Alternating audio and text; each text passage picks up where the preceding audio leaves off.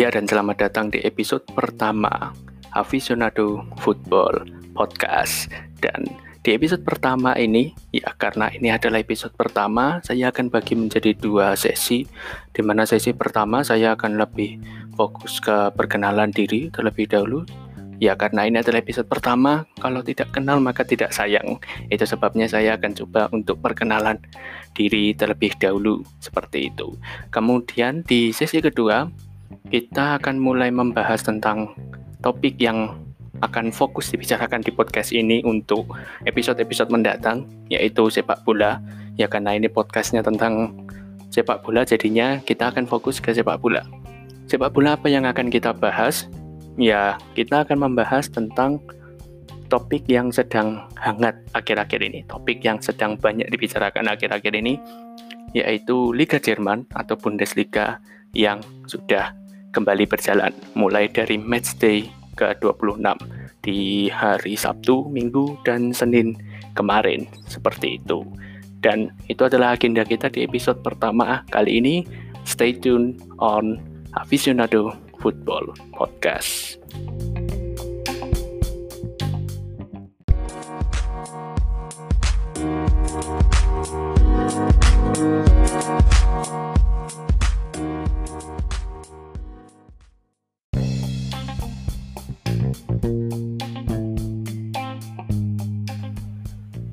Masih bersama Aficionado Football Podcast dan seperti yang saya sudah sampaikan pada di sesi pertama ini kita akan fokus ke perkenalan saya terlebih dahulu seperti itu.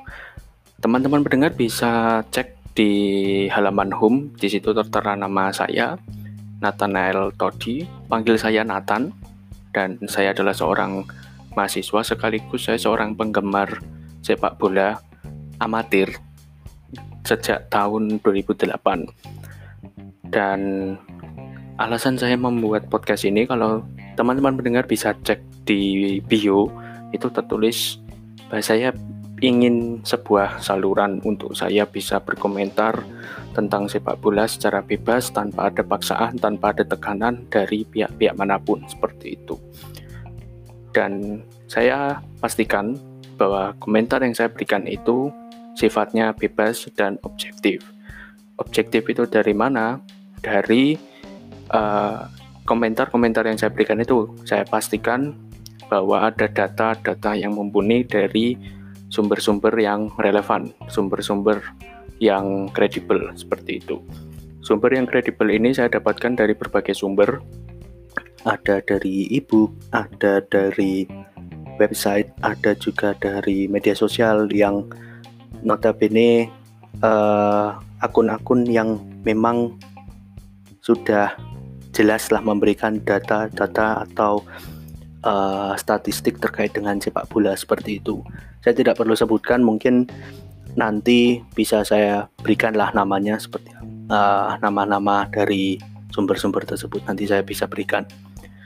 Kemudian uh, ya itu sih intinya di situ bahwa saya ingin sebuah tempat, sebuah saluran untuk saya bisa komentar karena sebelumnya saya juga sering komentar di media sosial tapi saya merasa itu tidak begitu uh, membangun ya untuk saya karena ya itu saya cuma komentar aja dan komentar yang saya berikan itu cuma berdasarkan teks gitu loh. Saya hanya melihat teks gitu aja udah.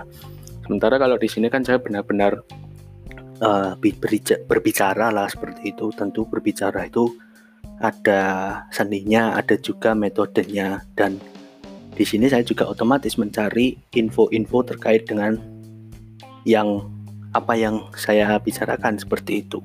Itulah yang membuat saya tertarik untuk membuat saluran podcast ini seperti itu.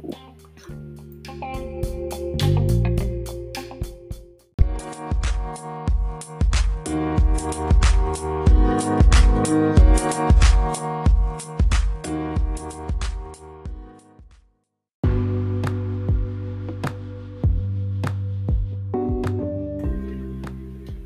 kita masuk ke sesi utama di episode pertama untuk Aficionado Football Podcast. Dan seperti yang saya sudah sampaikan bahwa di episode yang pertama ini kita akan lebih fokus membahas Bundesliga di mana Bundesliga match 26 kembali kemarin. Ya sorry.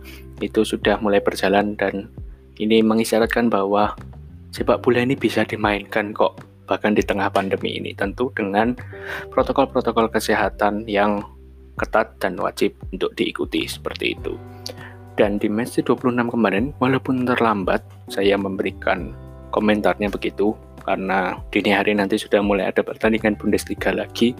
Tapi menurut saya pembahasan itu tiap harinya pasti akan jauh lebih baik dan itulah yang akan saya lakukan. Pembahasan saya ini akan berfokus tidak akan ke tiap game, tapi akan berfokus ke pemain-pemain terbaik di uh, istilahnya best starting eleven atau pemain kesebelasan terbaik lah istilahnya seperti itu. Nah, ini data yang saya dapatkan ini dari dari Huskor ya di sini tertulis Bundesliga Best 11 untuk match D26. Kita mulai saja.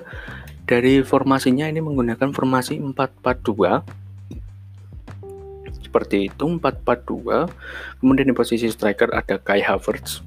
Masih muda masih 21 tahun 20 21 tahun sudah sukses cetak dua gol kemarin pada laga menghadapi uh, Werder Bremen sukses cetak dua gol. Jadi menurut saya layak untuk masuk ke starting base 11 seperti itu base 11 seperti itu. Kemudian dari sebelahnya ada Erling Haaland sukses cetak satu gol gol pembuka ketika berhadapan dengan Schalke di laga derby. Antara Borussia Dortmund menghadapi Schalke dirinya sukses cetak gol pertama sekaligus cetak satu assist. Dan golnya tersebut saat tambahan satu gol tersebut menjadikan dirinya sukses cetak 10 gol dari 9 laga. Dan dirinya masih 19 tahun. Dan dirinya baru saja dipindah uh, dari klub sebelumnya RB uh, mana ya? Waktu itu tim Austria kalau tidak salah. Rasenball Redson Bull Salzburg, Red Bull Salzburg seperti itu tim dari Austria seperti itu. Kemudian di posisi lini tengah ini menggunakan formasi 4 pemain lini tengah. Di posisi bagian kanan itu ada Alessandro Plea dari Borussia Mönchengladbach. Sukses cetak gol yang tercepat kemarin di SD26 karena belum ada satu menit laga berjalan sudah sukses cetak gol dan menurut saya itu hasil yang luar biasa menurut saya kemudian Julian Brand uh, sang kreator di Messi 26 kemarin di mana 4 gol dari Borussia Dortmund ke gawang Salka itu semuanya diarsiteki olehnya di mana dirinya sukses cetak dua assist sekaligus dua gol lainnya itu antara dirinya melakukan key passes atau umpan yang mengarah ke peluang atau juga dirinya membantu memposisikan pemain lain untuk bisa mendapatkan gol seperti itu. Kemudian di posisi sebelahnya Julian Brand, ini Karim Demirbay dari Bayer Leverkusen. Dirinya itu sukses melakukan distance run sebanyak 12,3 kilo. Itu menurut dan itu tertinggi di pemain di antara pemain-pemain Bayer Leverkusen kemarin ketika menghadapi Werder Bremen. Jadi menurut saya dirinya layak karena kita semua di tim sepak bola itu butuh seorang box to box midfielder yang berlari ke mana pun seperti itu dan istilahnya membantu untuk antara defense antara bertahan ataupun menyerang. Dan Karim Demirbay menurut saya orang yang layak untuk masuk ke Bundesliga Best 11 kemudian posisi wing kiri ini ada Rafael Guerrero sukses cetak dua gol. Luar biasa. Jadi dia dirinya dirinya itu bermain sebagai posisi back kiri. Tapi karena kemarin Dortmund bermain dalam formasi 3-4-3 jadinya dirinya dimainkan sebagai wing kiri. Dan dirinya sukses tampil di posisi back kiri itu dengan sangat baik. Kemudian di posisi back ini ada 4 back. Ya tadi formasi 4-4-2 jadi 4 back 4 pemain tengah dan 2 striker 4-4-2 ini formasi 4 back di belakang ini back kanannya itu Benjamin Pavard. Sukses cetak satu gol. Jadi menurut saya uh, layak ya masuk ke starting base 11 ini. Kemudian di sebelah back tengahnya itu ada pemain SC Freiburg Manuel Guide. Dia dirinya sukses cetak satu gol ke gawang RB Leipzig. Jadi menurut saya dirinya layak sekaligus dirinya sukses cetak gol pertama alias yang pemecah kebuntuan di laga tersebut. Akhirnya disamakan oleh Yusuf Paulsen dari RB Leipzig. Jadi hasil akhirnya satu satu seperti itu. Kemudian di sebelah Guide ini ada Jordan Torunariga. Mungkin saya minta maaf kalau penyebutannya salah di laga menghadapi Hoffenheim di mana Hertha Berlin menghajar Hoffenheim 3-0 dirinya sukses cetak satu asis. Jadi menurut saya oke okay, dirinya bagus untuk sukses uh, bermain. Walaupun setelah lama berada di dalam rumah alias latihan di dalam rumah dirinya tampil di matchday 26 dan dirinya sukses cetak asis sebagai seorang back tengah itu luar biasa kemudian di posisi back kiri ini ada Benze Baini Rami Benze Baini dirinya ya di laga menghadapi Eintracht Frankfurt dirinya sukses cetak satu asis dan satu gol. Jadi oke okay, seorang back kiri cetak gol sekaligus juga mencatatkan asis di laga yang sama. Itu luar biasa. Kemudian sebelum kita masuk ke penjaga gawang saya minta maaf teman-teman mendengar jika mendengar suara di luar selain suara saya ada noise selain saya itu saya benar-benar minta maaf. Karena situasi di rumah sedang sibuk-sibuknya sedang ramai-ramainya sedang kumuh. Bukan kumuh sih tapi sedang ada ya di jam segini itu paling banyak kerjaan. Saya membuatnya ini sedang baru sore hari jadi sedang banyak kegiatan. Jadi saya benar-benar mohon maaf kemudian di bench ini tadi sudah kemudian kita masuk ke penjaga gawang ini yang sempat jadi pertanyaan saya kenapa yang dimasukkan justru bukan kiper-kiper lain seperti Roman Burki yang sukses cetak clean sheet di laga derby tapi malah justru seorang kiper asal Hertha Berlin bernama Rene Jarnstein, Jarstein seperti itu. Kenapa malah dirinya yang masuk ke base 11 seperti itu? Tapi setelah saya lihat datanya di Huskort, dirinya sukses.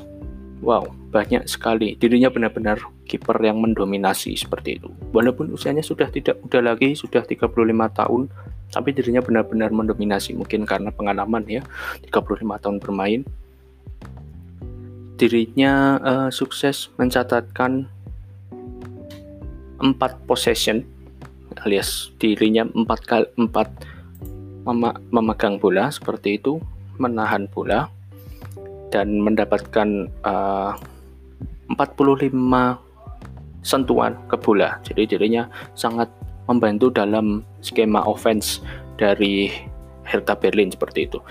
Kemudian untuk pas sukses percentage alias persentase umpan yang sukses itu 79 persen itu cukup tinggi bagi seorang kiper kemudian aerial bond alias duel udara dirinya memenangkan sebanyak tiga kali. Kemudian untuk uh, apa penyelamatan? Mungkin dirinya tidak begitu banyak karena dirinya kalah oleh kiper uh, kiper dari Hoffenheim, Oliver Baumann. Walaupun kebobolan 3 gol tapi dirinya sukses menyelamatkan 4 tendangan dibandingkan Jarstein yang melakukan dua penyelamatan. Seperti itu. Jadi dirinya bisa dikatakan tapi di sini dirinya uh, sukses menyelamatkan tendangan yang sangat-sangat berbahaya nyaris saja untuk uh, kebobolan seperti itu. Kalau misalkan si Charleston ini tidak melakukan penyelamatan. Yang penting, mungkin hasilnya bukan 3-0 tapi 3-1. Kemudian untuk klaim ini mungkin uh, apa dirinya berapa kali mendapatkan bola. Mungkin dari umpan uh, pojok yang langsung dirinya terima. Jadi tidak ada uh, duel udara tapi langsung bolanya langsung dia tangkap seperti itu ini dia melakukannya sebanyak empat kali jadi cukup banyak dan setelah melihat statistik ini jadi saya rasa oke okay, dirinya benar-benar layak karena dirinya benar-benar sangat membantu dalam uh, ofensifnya milik Hertha Berlin begitu. Nah, itu untuk base 11-nya. Kemudian kita akan membahas tentang laga-laga yang bisa dikatakan cukup menarik di mana di derby antara Dortmund menghadapi Schalke, Dortmund menang dengan sangat telak 4-0 itu setelah dua bulan lebih masa lockdown di Eropa bahkan di dunia seperti itu sukses cetak 4 gol menghadapi rival. Itu hal yang luar biasa. Kemudian Dort, uh, Bayern Munchen rival Dortmund oke menang 2-0 menghadapi Union Berlin yang bermain sangat walaupun bermain sangat defensif ya bisa dikatakan benar-benar sangat defensif karena dua gol tersebut bukan dari open play alias permainan terbuka di mana dua gol tersebut datang dari corner dan penalti. Jadi menurut saya Bayern Munchen itu menang menang skor tapi kalah dalam pertandingan seperti itu. Karena Union Berlin bermain dengan sangat defensif total defense yang sangat kuat seperti itu. Karena saya melihat pertandingannya sehingga saya bisa berkomentar seperti itu. Kemudian di laga lain Mönchengladbach menghadapi Eintracht Frankfurt itu juga luar biasa. Baru belum ada satu menit seperti itu. Itu sudah eh, gawang dari Eintracht Frankfurt sudah kebobolan terlebih dahulu, kemudian uh, di menit ke-7 juga sudah kebobolan lagi. Jadi belum ada 10 menit lagi berjalan sudah Eintracht Frankfurt sudah kebobolan dua gol. Jadi uh itu pertandingan yang ramai, sangat ramai begitu. Sangat ramai untuk dilihat, bukan dan dikomentari. Karena tidak ada penonton juga yang ada di dalam stadion seperti itu. Dan sebentar lagi kurang lebih sekitar 10 jam lagi kita akan segera masuk ke match day 27 di mana di match day 27 nanti itu akan diberi disuguhkan dengan laga derby ya di jadwal yang saya lihat di official website Bundesliga.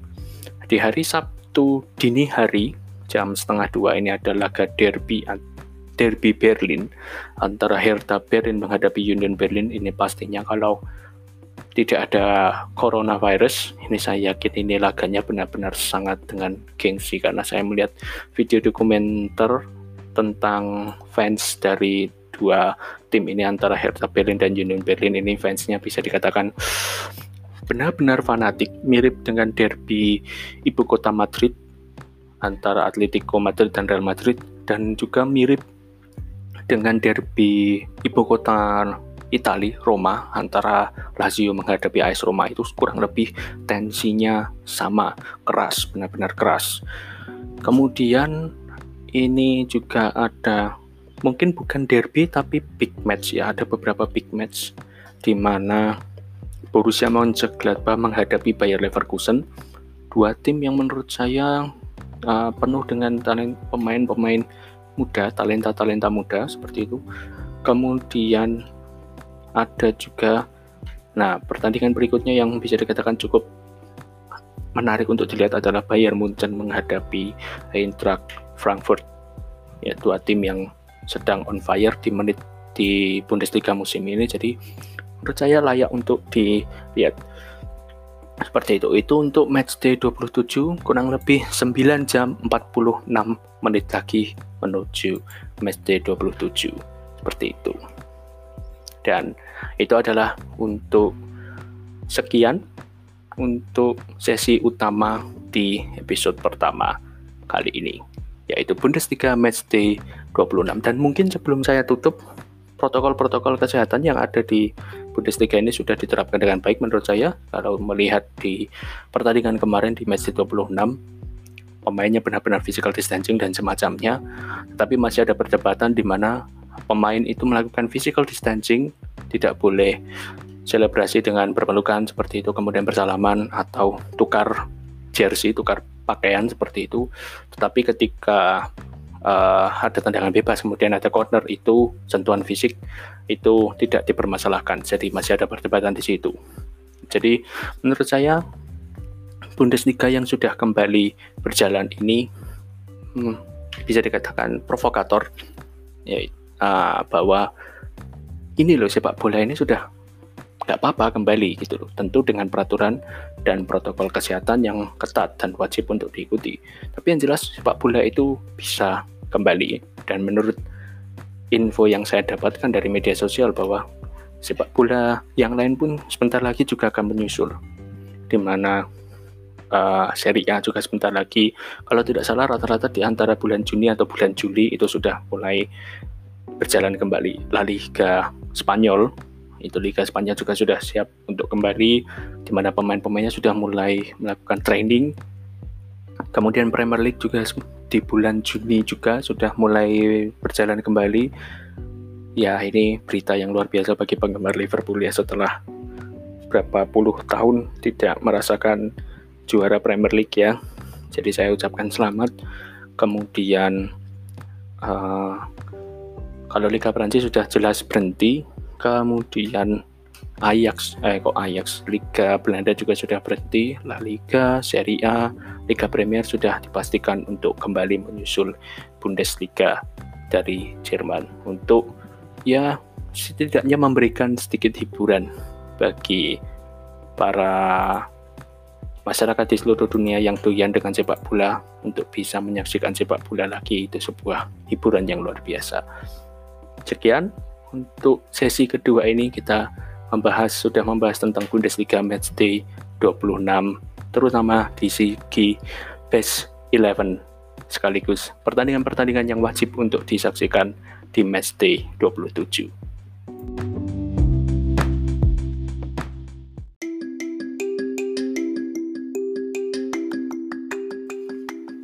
Iya, teman-teman pendengar saya mengucapkan terima kasih sudah bersedia untuk mendengarkan podcast pertama saya. Ini Avi milik Aficionado Football Podcast. Ini benar-benar buatan saya sendiri. Saya benar-benar melakukan editingnya kemudian saya benar-benar mencari kontennya saya mencari data-datanya itu pun saya lakukan semuanya sendiri. Dan saya benar-benar berterima kasih kepada teman-teman pendengar yang sudah mendengar sampai uh, detik ini sampai menit ini sampai sesi penutupan ini. Itu karena setiap menit yang teman-teman pendengar lakukan untuk mendengarkan podcast ini itu benar-benar sangat membantu saya untuk ya inilah apa yang saya lakukan, inilah apa yang saya suka seperti itu, inilah passion saya yaitu sepak bola gitu loh, apalagi mengomentari tentang sepak bola seperti itu. Dan ya uh, saya sem melakukan semuanya sendiri walaupun saya melakukan semuanya sendiri saya tidak merasakan capek tapi saya justru sana sangat senang. Saya dikatakan senang sekali karena saya akhirnya bisa membuka uh, cakrawala baru terkait dengan sepak bola terkait dengan statistik sepak bola seperti itu. Dan saya sedang berpikir untuk membuat episode keduanya dari Aficionado Football Podcast ini. Dan episode keduanya ini saya sedang memikirkan sebuah konten apa yang menarik sekiranya untuk dibahas tapi juga dalam waktu yang sangat singkat seperti itu.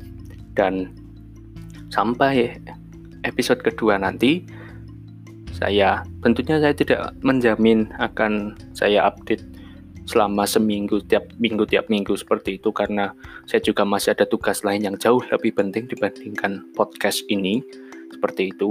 Ya kalau podcastnya ini bisa menghasilkan uang saya mungkin akan lebih fokus ke sini tapi saya rasa kuliah saya jauh lebih penting dibandingkan podcast ini jadi saya akan fokus ke kuliah saya. Jadi saya tidak bisa menjamin akan memberikan uh, update selama setiap minggu seperti itu. Tapi saya pastikan di episode kedua nanti itu tidak kalah menariknya di episode dari episode pertama seperti itu.